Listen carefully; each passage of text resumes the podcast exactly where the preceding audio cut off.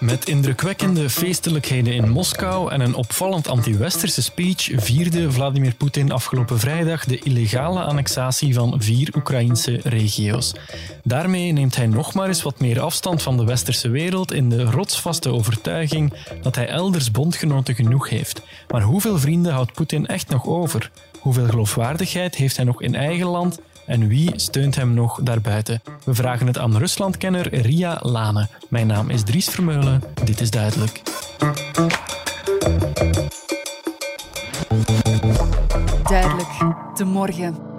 Let's take you live to Moscow now. A packed house in the Kremlin's St. George Hall for a special ceremony which begins the process of formally annexing about 18% of Ukraine. Хочу, чтобы меня услышали киевские власти и их реальные хозяева на Западе. I want the Kiev authorities and their real masters in the West to hear me, so that they remember this forever.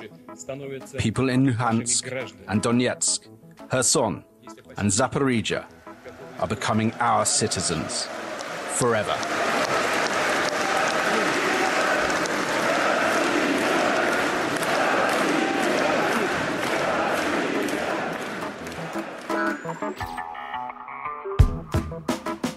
Professor Ria Lane, u doseert Russische politiek aan de KU Leuven. U bent expert ook op het vlak van de internationale relaties van Rusland. Dat zeg ik goed, hè? Ja, dat klopt. Misschien eerst even, afgelopen vrijdag was er die toch wel heel opvallende speech van Vladimir Poetin, waarin hij vierde dat volgens hem althans de Russische federatie vier provincies rijker is geworden. Die vier gebieden in Oekraïne, het oosten van Oekraïne, die zijn geannexeerd. Wat onthoudt u van die speech? Wat is u vooral opgevallen? Ja, in die speech viel vooral die heel anti-westerse retoriek op, heel scherp uithalen naar het Westen. Dat is enerzijds verrassend en beangstigend voor wanneer wij daar naar luisteren. Maar anderzijds is het ook niet zo super verrassend als je dat bijvoorbeeld vergelijkt met de speech die Poetin heeft gegeven toen hij de annexatie van de Krim aankondigde in 2014. Daarin was hij ook al ontzettend scherp naar het Westen toe.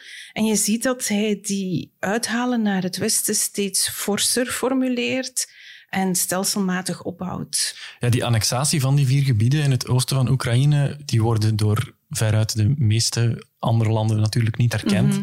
Maar voor hem ja, betekent dat een gebiedsuitbreiding. Hij riep daarna ook op tot een staakt het vuren. Heeft hij hiermee misschien een deel van zijn doelstellingen binnengehaald? Kan dit, zou dit echt kunnen volstaan voor hem? Wel, hij wil alleszins naar de Russische bevolking toe het heel erg laten klinken alsof hij ja, een grote overwinning heeft Ja. geboekt. Hè.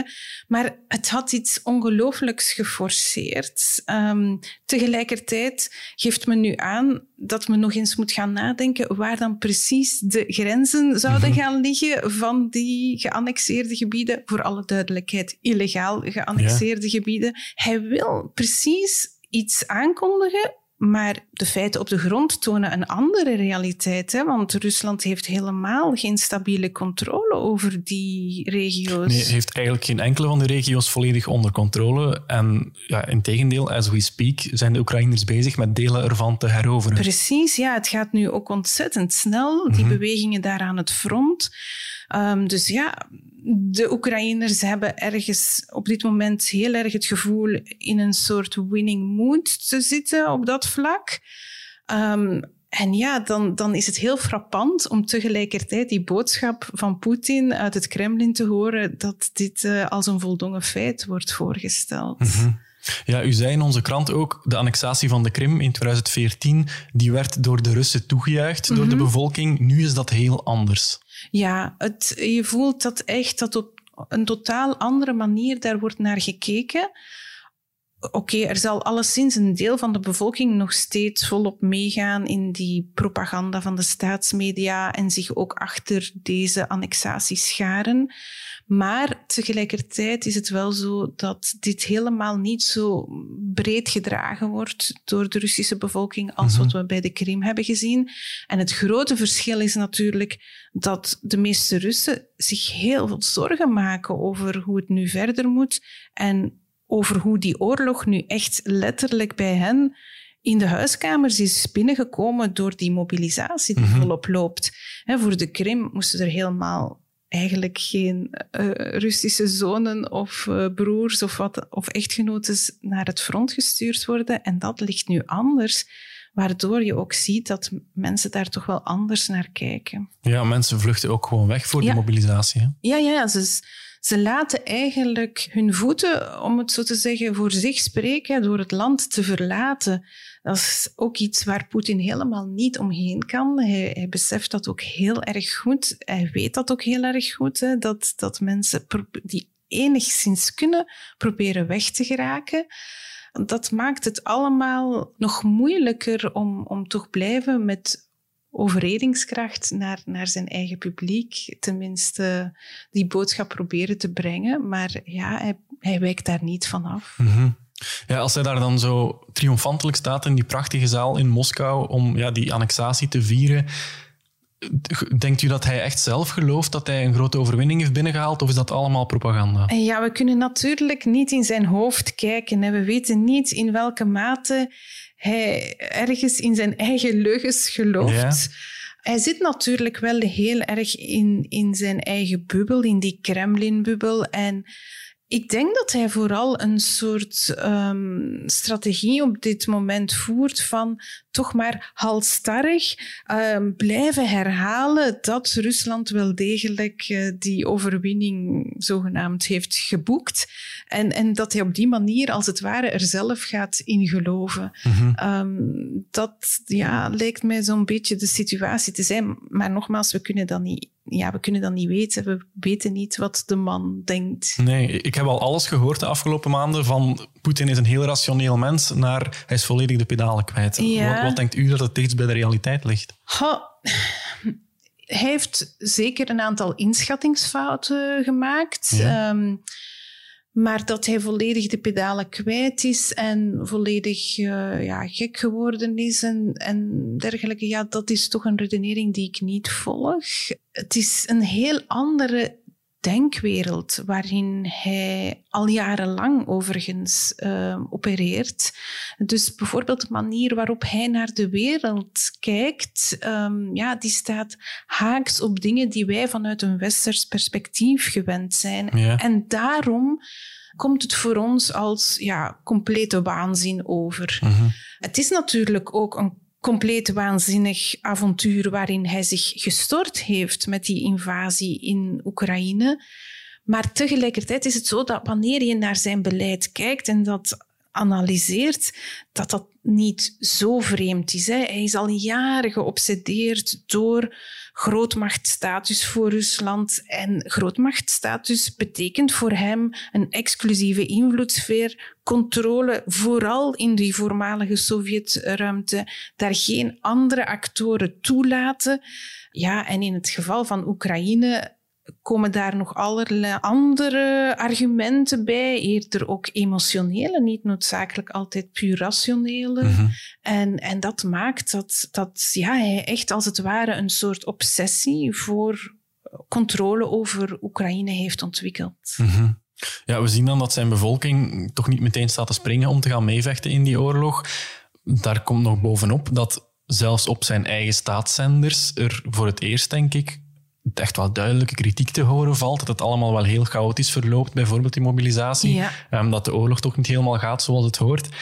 De politicoloog Viktor Oljevic, die, die eigenlijk Kremlin-gezind is, um, die zei ook toch wel heel duidelijk van ja, wie, wie gelooft het nog dat het allemaal volgens plan verloopt? Is hij intern zijn geloofwaardigheid verloren?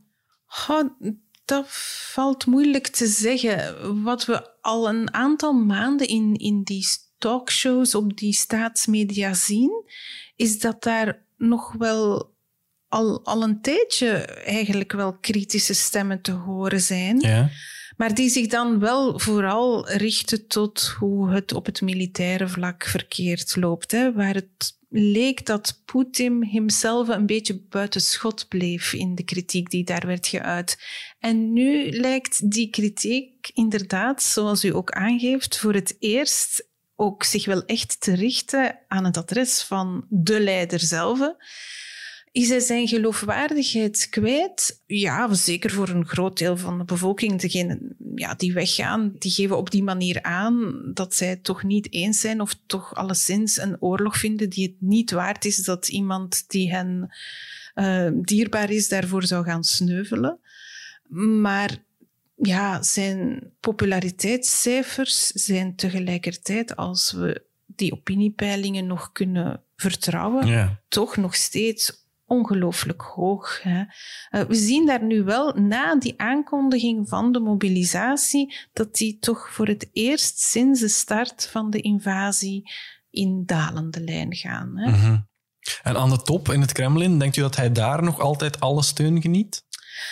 Ja, binnen die Kremlinmuren eh, wordt ongetwijfeld stevig gedebatteerd, gediscussieerd, eh, wellicht ook wel eens hard gevloekt en geroepen en met deuren geslagen. Maar dat zijn zaken waar wij alleen maar kunnen over speculeren. Mhm. Dat wordt angstvallig geheim gehouden naar de rest van de buitenwereld toe. Dus we hebben daar eigenlijk geen inkijk in.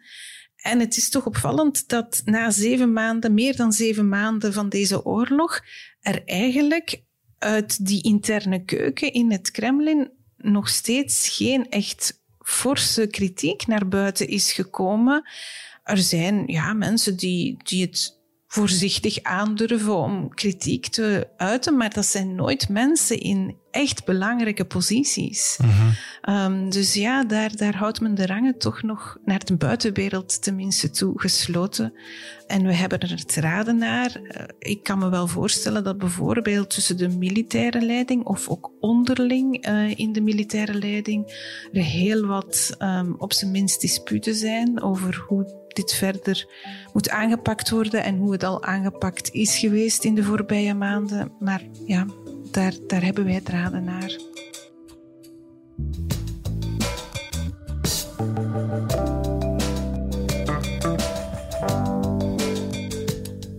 Naar de buitenwereld houdt het Kremlin de rangen gesloten. Dat was zeker zo op de feestelijke ceremonie vrijdag, waar de vermeende verovering van die vier Oekraïnse regio's werd gevierd.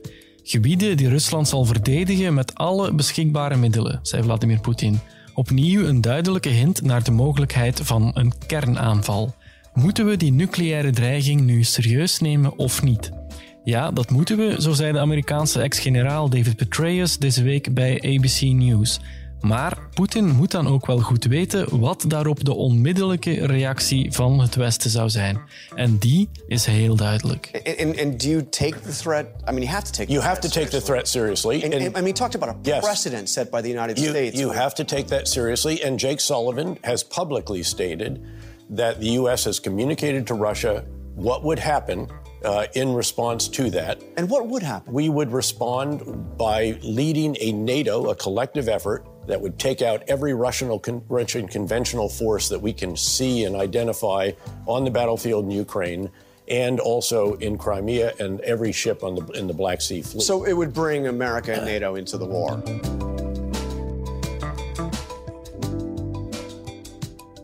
Professor Jalane, de, de Amerikaanse oud-generaal David Petraeus, zegt daar: als Rusland kernwapens zou inzetten, dan zijn de gevolgen heel duidelijk. Met de NAVO gaan we dan onmiddellijk alle mogelijke Russische doelwitten met de grond gelijk maken. Mm Poetin verwees in zijn speech um, naar Hiroshima, naar Nagasaki. Een duidelijke verwijzing naar ja, de Amerikanen hebben het al eens gedaan, kernwapens gebruikt. Denkt u dat hij er zich goed van bewust is, Poetin, wat, wat hem boven het hoofd hangt? Mocht hij die stap zetten? Ja, opnieuw, hè, we kunnen niet in zijn hoofd kijken, dus we weten niet in welke mate hij zich daar al dan niet van bewust is. Maar op dat punt denk ik wel degelijk dat moest hij er zich niet van bewust zijn, er anderen binnen het Kremlin hem daar wel op zullen wijzen. Ja. Moest hij op een gegeven moment aangeven dat hij tot het inzetten van uh, nucleaire wapens wil overgaan, dan is het niet zo dat hij dat alleen eventjes snel kan beslissen. Hij, hij kan een heel aantal andere zaken heel snel beslissen, maar dat is toch wel een andere procedure die dan moet gevolgd worden. En ik heb toch wel misschien is het een, een soort hoop, maar ook wel een vermoeden dat op zo'n moment ook uh, hooggeplaatste militairen hem op die gevolgen gaan wijzen uh, en hem toch gaan aanraden om daar nog eens opnieuw over na te denken. Ja, het zou hem ook, in hoeverre dat nu al niet is gebeurd, volledig alleen zetten op het wereldtoneel. Ja, ja, en dat begint toch wellicht tot hem door te dringen. Hè? Um, er zijn een aantal niet-westerse landen die hij heel graag um, telkens weer vernoemt of waar hij zich in, in het gezelschap laat zien en, en gaat vertoeven met heel duidelijk um, de bedoeling aan het Westen de boodschap te geven van ja, kijk, uh, het Westen, jullie met jullie sancties, er is nog een wereld daarbuiten. Uh, en daar hebben wij wel betrouwbare partners enzovoort. Maar ook die partners hè, laat toch wel duidelijk verstaan dat dat een brug te ver zou zijn. U hebt het dan onder meer over China. Onder andere zeker uh, China, oh, maar ja, ook India, Turkije hebben toch de laatste dagen mm -hmm. uh, een meer gematigde toon aangeslagen. Terwijl uh, ergens midden september ja, Poetin heel graag uitpakte met die Shanghai samenwerkingsorganisatie, ja. waar ze met al die leiders samen een groepsfoto maakten. Uh, ja, heel graag op die manier nogmaals die boodschap uitstuurt van ja, kijk, wij, wij hebben een grote club van vrienden in de internationale politiek en kunnen op die manier ook verder met onze handel bijvoorbeeld, ondanks de sancties van het Westen. Maar inderdaad, uh, zeker de speler China. Daarvan is Poetin zich heel goed bewust dat dat een veel grotere speler is uh, op de internationale scène dan het kleine broertje Rusland. -hmm. Ja, Xi Jinping, de president van China, had al eens opgeroepen tot een, een staakt het vuren, tot vredesonderhandelingen mm -hmm. tussen Rusland en Oekraïne. Um, spreekt zich nu wel niet uit tegen de annexaties van die gebieden in het oosten van het land. Wat, wat is de rol van de Chinese president in dit conflict? Hoe staat hij daarin? Um, ik denk dat dat een heel pragmatische houding is, die landen zoals China, maar ook um, India uh, aannemen, om aan te tonen van ja, ergens beschouwen wij dit misschien als een lokaler, regionaler conflict dat ons niet meteen aanbelangt, mm -hmm. enerzijds, en anderzijds ja, het is zo. Uh, China heeft uh, niet die illegale annexatie veroordeeld, maar tegelijkertijd ook niet expliciet gesteund. Dat klopt, hè? ja. Dus uh, dat is echt het soort diplomatie dat China voert. Hè? Het wil vooral um, zo het is misschien een vreemd woord, maar zo'n stil mogelijke houding aannemen. Niet te veel aandacht naar dat conflict laten gaan door daar geen grootse uitspraken over te doen. En op die manier, en dat is natuurlijk zeer begrijpelijk vanuit een Chinees perspectief, vooral de eigen nationale belangen van China um, waarborgen en nog het Westen, nog Rusland zo weinig mogelijk voor het hoofd stoten. Mm -hmm. Dat gaat dan ook voornamelijk over economische belangen. Tuurlijk. Want, ja. nu, nu Europa geen klant meer is bij Poetin, is China nog veel belangrijker om ja, dat gas en die olie te kopen, ja. waar de oorlogskas van Vladimir Poetin van afhangt.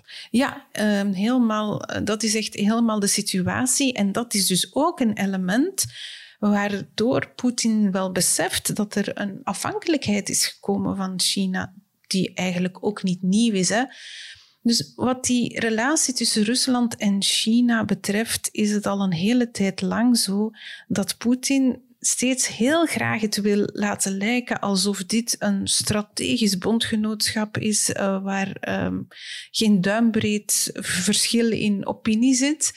Ik denk dat dat vanuit een Chinees perspectief wel anders is. En dat dat soort boodschap ook opnieuw een beetje gelijkaardig aan het geforceerde feestje dat hij vrijdag uh, organiseerde, een soort wishful thinking is. Ja, ja. En, en vooral ook een boodschap aan het Westen is. Hè. Al jarenlang, uh, wanneer het over die gas en olie bijvoorbeeld gaat, leeft er een bezorgdheid in het Westen. Ja, maar wat, wat als Poetin nu plots al die gas en olie richting China gaat sturen? Ja, dan zitten wij zonder. Hè. Dat is iets, een element dat al langer speelt en waar Poetin ook heel graag op inspeelde om opnieuw um, het Westen nog meer aan zich proberen te binden op, op dat uh. Dus ja, uh, ook die relatie tussen Rusland en China, die is niet zo onproblematisch of niet zo, iets niet zo'n onvoorwaardelijk partnerschap als Poetin het wil laten lijken. Hetzelfde verhaal met India. Ook ja. toch een belangrijke handelspartner van Rusland. Ja. ja, die houden zich ook een beetje in het midden, een beetje afzijdig. Heeft Poetin minder vrienden dan hij misschien gehoopt had? Oh, ja, misschien wel alleszins minder vrienden dan hij wil laten blijken aan het Westen. Mm -hmm. uh, daar komt het in essentie op neer. En ja, dat, dat is ergens ook wel... Waarschijnlijk voelt hij dat toch ergens aan, als een soort gezichtsverlies aan. Uh, dat ondanks alle pogingen die hij onderneemt om dan bijvoorbeeld in Oezbekistan uit te pakken uh, met veel publiciteit rond het samenkomen van al die leiders van die landen, ja, dat desondanks uh, er geen heel sterke statements uit die hoofdsteden komen mm-hmm. die uh, onvoorwaardelijke steun aan Rusland uitspreken, ja, dat, dat zal hem natuurlijk toch ook wel ja, dat dringt door. Hè. Dat, dat, daar is hij zich van bewust. Iemand die de illegale annexaties wel heeft veroordeeld, is de Turkse president Erdogan. Mm-hmm. Eigenlijk ook een ja, neutrale speler in dit conflict, maar spreekt zich nu dus wel uit tegen die annexaties. Wat is de rol daarvan Erdogan? Die is niet onbelangrijk, hè? Helemaal niet onbelangrijk, inderdaad. Turkije is eigenlijk...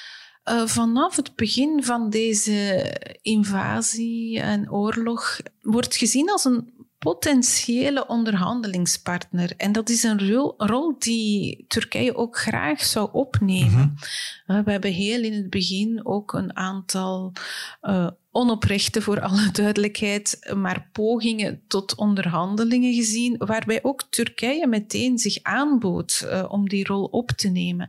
En dat is eigenlijk een aanbod dat nog steeds geldt uh, van Erdogan.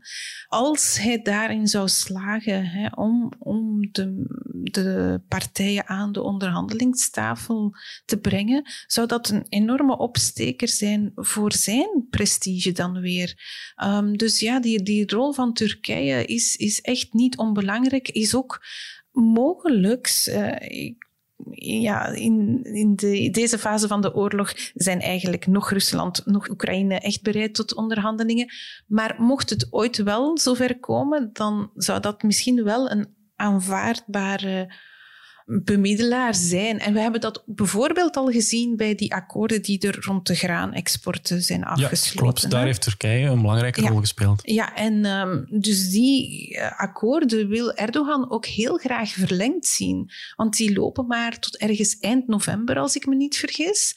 Dus ja, we moeten stilaan beginnen gaan ja, dat proces toch wel opstarten voor wat na deze tijdelijke akkoorden. En, en ik denk dat het vooral daarop is dat uh, Erdogan wil inzetten als een heel concreet volgend resultaat dat hij wil boeken. Mm-hmm.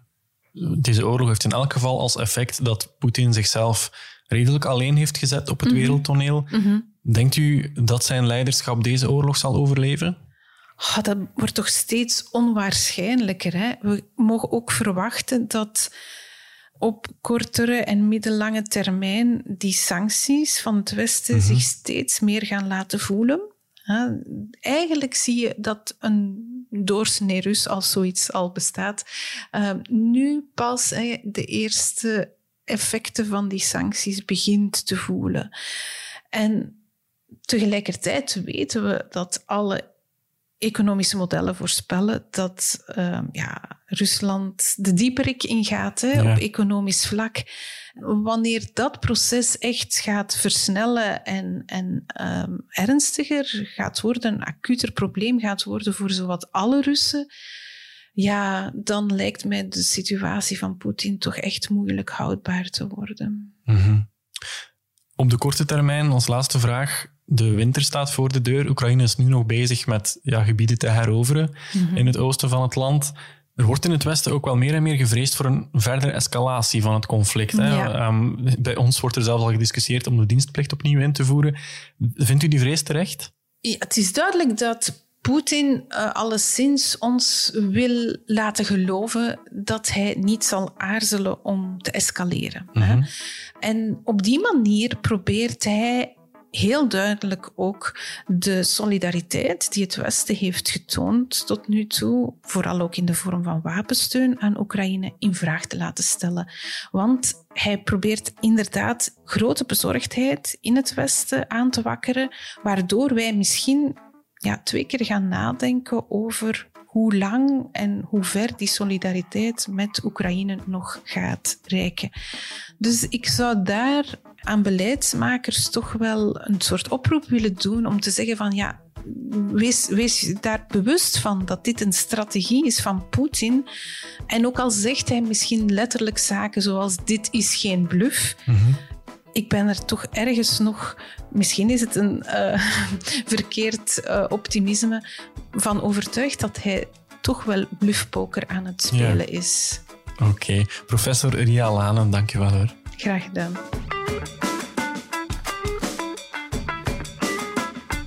U, beste luisteraar, bedank ik natuurlijk ook weer om erbij te zijn. Vergeet trouwens niet dat we bij de morgen ook nog een aantal andere podcasts hebben. Elke vrijdag is er lopende zaken waarin we het nieuws van de week bespreken. En op dinsdag is er telkens een nieuwe aflevering van Het Inzicht. Dat is de podcast van collega Joël de Keulaar. En donderdag zijn wij er natuurlijk weer met een nieuwe aflevering. Hopelijk luistert u natuurlijk ook dan. Heel graag tot volgende week. Dit was duidelijk.